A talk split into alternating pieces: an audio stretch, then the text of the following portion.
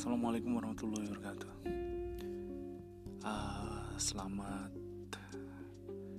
datang buat kamu yang baru ngedengar uh, podcast ini ya.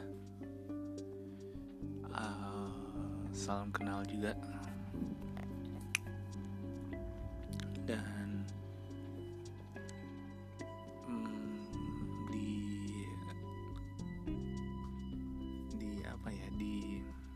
episode kali ini.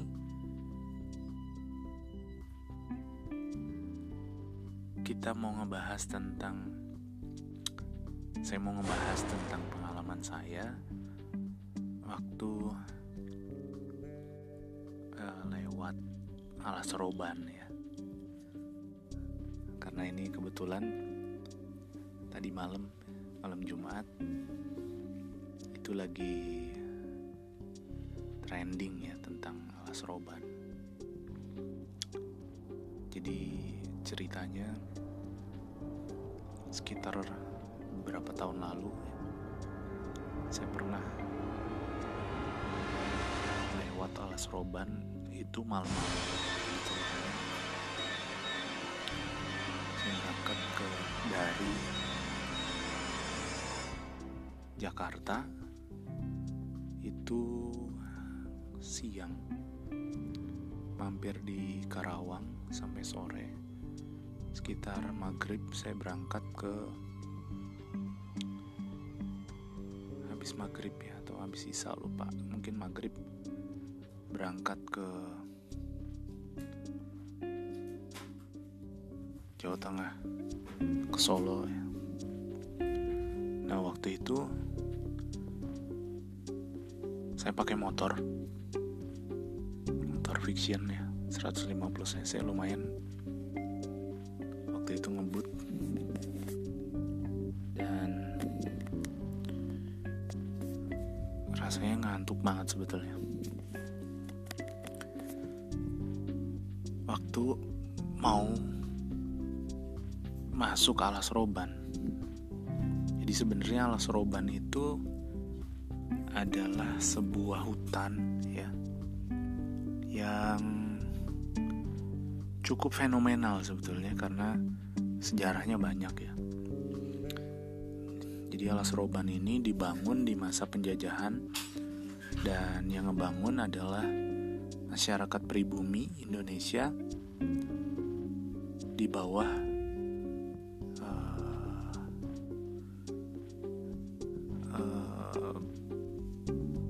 intimidasi ya dari para penjajah. Jadi dipaksa untuk kerja ngebangun jalan.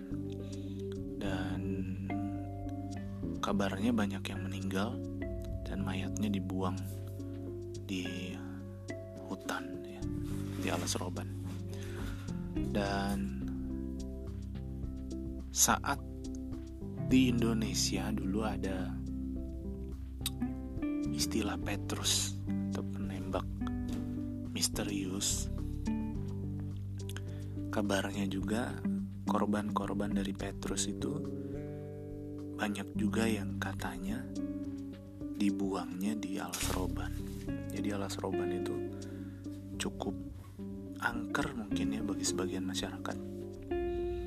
Dan banyak cerita-cerita mistis lainnya juga yang pernah uh, terdengar kabarnya ya dari alas roban.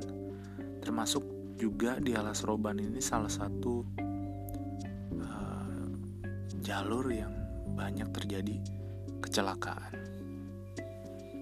Nah, ada kecelakaan beruntun juga di alas roban dan uh, banyak sih yang kasih saran ya sebetulnya kalau udah mulai malam sebaiknya jangan lewat alas roban. Entah alasannya mungkin karena um, bahaya ya, karena jalurnya gelap, takutnya mungkin ada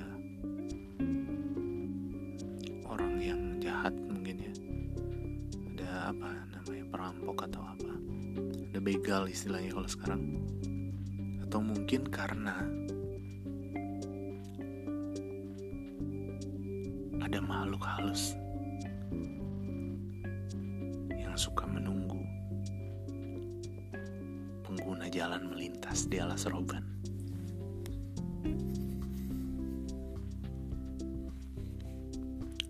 Tapi yang jelas larangan dari masyarakat itu masih sering terdengar tentang itu ya. Jadi sarannya sebaiknya kalau malam jangan lewat alas roban. Nah, waktu itu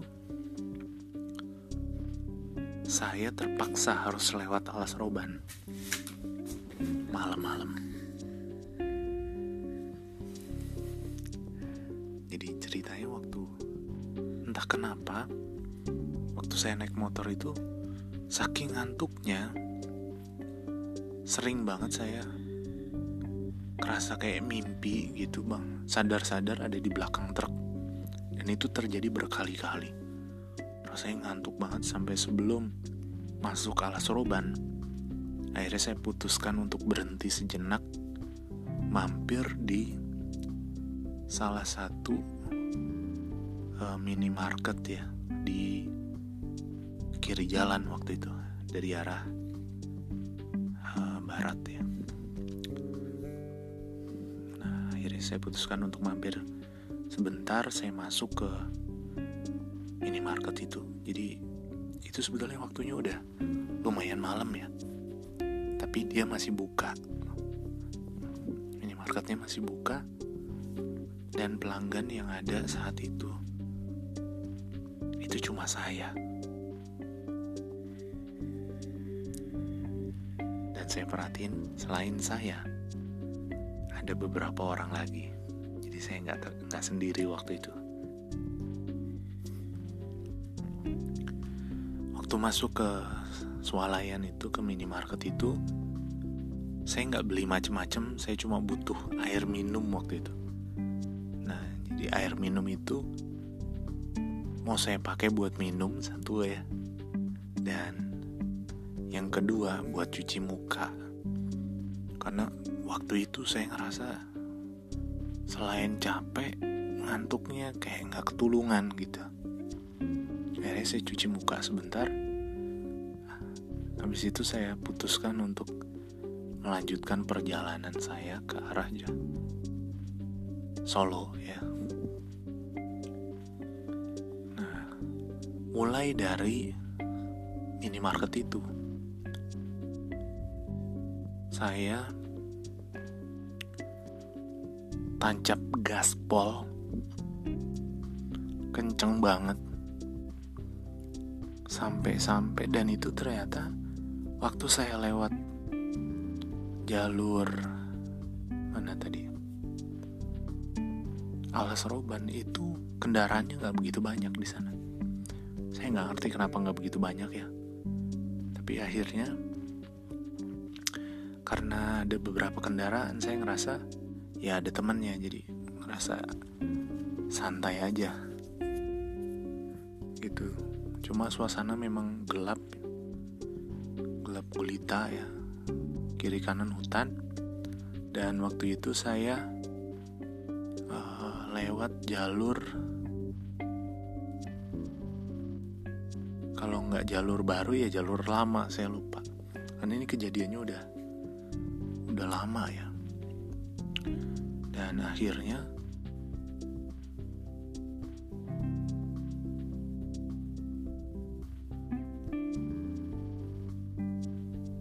saya bisa ngelewatin alas roban dengan selamat. Alhamdulillah nggak ada masalah apa-apa. Ya lewat alas roban malam-malam tengah malam sendirian naik motor dan itu jadi pengalaman saya yang mungkin lumayan tidak terlupakan ya karena kejadian itu baru pertama kali saya alamin sepanjang hidup saya sampai detik ini. Ya naik motor sendirian lewat alas roban. Kalau sebelumnya saya pernah lewat alas roban beberapa kali. Itu naik mobil bis ya bareng-bareng sama khalayak ramai. Tapi yang naik motor sendirian itu baru pertama kali itu. Dan alhamdulillah itu jadi pengalaman saya yang ya cukup tidak terlupakan. Cukup tidak terlupakan karena ada beberapa hal yang saya lupa juga ternyata. Dan syukur alhamdulillahnya aman gitu. Ya.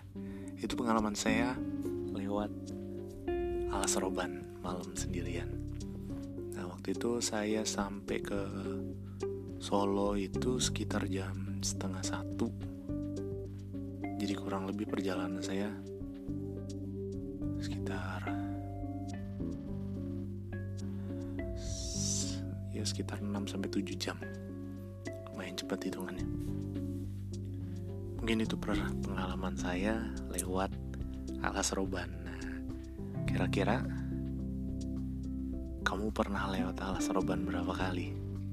Udah pernah apa belum lewat alas roban kalau kamu pernah lewat alas roban boleh uh, sedikit berbagi cerita sama saya ya. Nah mudah-mudahan uh, bisa bermanfaat buat yang lainnya juga gitu. Oke mungkin itu dulu ya sharing tentang alas roban dari saya cerita-cerita tentang alas roban. Ya saya nggak tahu ada manfaatnya apa enggak tapi yang jelas kalau cerita ini didengerin malam-malam mungkin bisa jadi pengantar tidur. Ya. Kalau cerita ini didengerin siang-siang di atas motor mungkin nggak kedengeran ceritanya. Jadi biar lebih enjoy dengerin ceritanya jangan di atas motor tapi di atas tempat tidur oke okay? Oke, sampai di sini dulu cerita bareng saya di episode kali ini tentang alas roban. Semoga uh, bisa dinikmati. Sekian dari saya. Wassalamualaikum warahmatullahi wabarakatuh. Jangan lupa untuk um, follow ya, follow atau subscribe atau tinggalin jejak atau apa pun itu biar bisa terus terhubung dengan saya dan mudah-mudahan saya bisa terus sharing cerita-cerita atau berbagi informasi yang bermanfaat buat kamu di channel ini ya, di jalur di saluran ini. Oke, sampai ketemu di episode berikutnya.